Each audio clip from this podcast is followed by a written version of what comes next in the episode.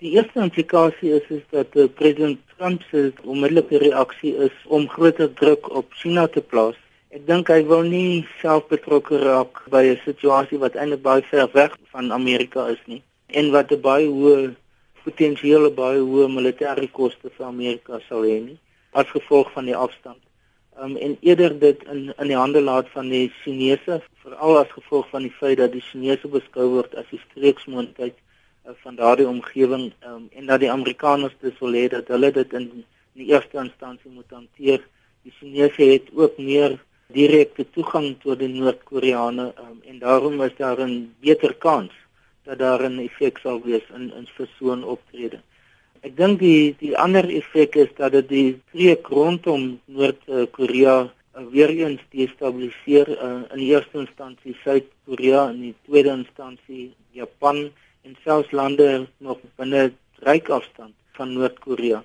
So dit het uh, die implikasie dat dit uiteindelik ten spyte van die Amerikaanse posisie dat hulle self wil distansieer van die situasie gaan die feit dat Suid-Korea en en Japan direk daardeur geraak word, gaan beteken dat die Amerikaners by implikasie ook 'n sekuriteitssambreel moet verskaf vir daardie twee lande.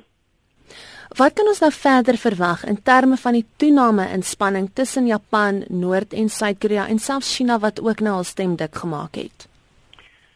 Dit is moeilik om te uit te werk presies wat is die einddoel van Noord-Korea hiermee. Dit is duidelik nie bedoel om in 'n militêre konflik met enige van hierdie lande of met selfs met die VSA betrokke te raak nie.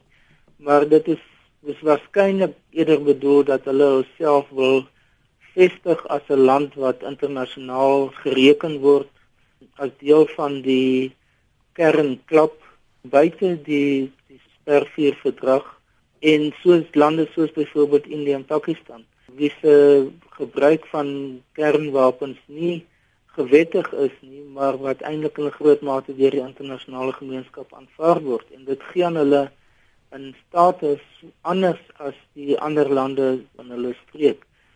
Ek dink Noord-Korea wil probeer om sy internasionale status te verhoog veral in verhouding tot Suid-Korea. Suid-Korea het die afgelope 20, 30 jaar een van die mees suksesvolle ekonomieë in die wêreld geword.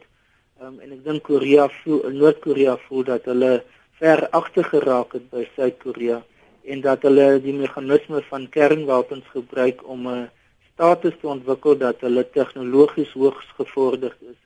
Um, en dat dit ook ekonomiese implikasies uiteindelik het, um, positiewe ekonomiese implikasies vir hulle soortgelyk aan Suid-Korea. En ek dink dit is die langtermynplan maar om dit aanvaarbaar te maak vir lande soos Suid-Korea, Japan, die VSA en ander lande, uh, moet hulle in 'n sekere sin hierdie hierdie krisis afdwing uh, wat tot 'n onderhandelde skikking uiteindelik kan lei.